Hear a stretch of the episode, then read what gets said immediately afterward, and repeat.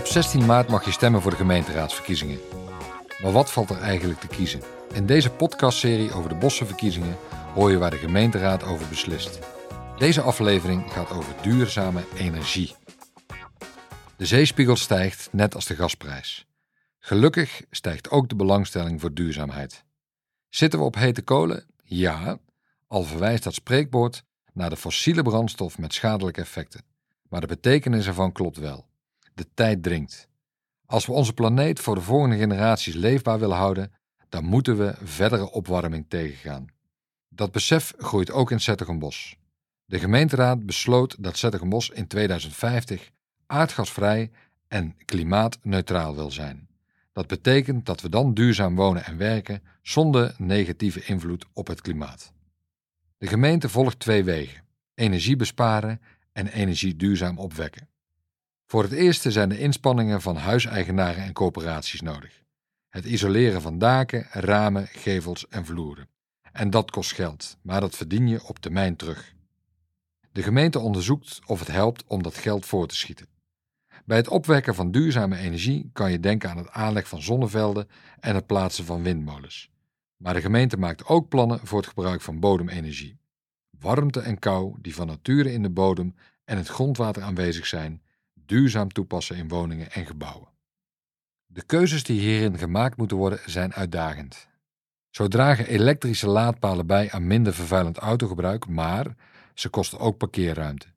Windmolens leveren schone energie, maar roepen vanwege hun grootte en hun geluid ook weerstand op. Laat je de overstap naar schonere energie over aan het bedrijfsleven? Ga je als gemeente met de markt samenwerken? Steun je de bewoners die een coöperatie voor wind- en zonne-energie willen opzetten? Uiteindelijk maakt de gemeenteraad hierin een keuze en die keuze begint altijd bij jouw stem. De komende 30 jaar gaan alle gebouwen van het aardgas af. Alle nieuwbouw wordt nu aardgasvrij opgeleverd en dit is een hele verandering. Om te zoeken naar de beste oplossingen zijn vijf buurten tot proefgebied uitgeroepen. In Sparrenburg, het Zand, Zuid, Hintam Zuid en de Buitenpepers maakt de gemeente daar extra geld voor vrij. In die buurten hebben de bewoners zelf de eerste stap gezet. De lessen die het aardgas vrijmaken oplevert, komen op andere plekken in de gemeente weer van pas. Op welke manier en hoe snel stappen we over op duurzame energie? Politieke partijen verschillen daarover en jouw stem is waar dit proces begint. Jouw stem bepaalt de samenstelling van de gemeenteraad. En zo kan jij invloed uitoefenen op de beslissingen die daar worden genomen. Breng je stem daarop uit op 16 maart tijdens de gemeenteraadsverkiezingen.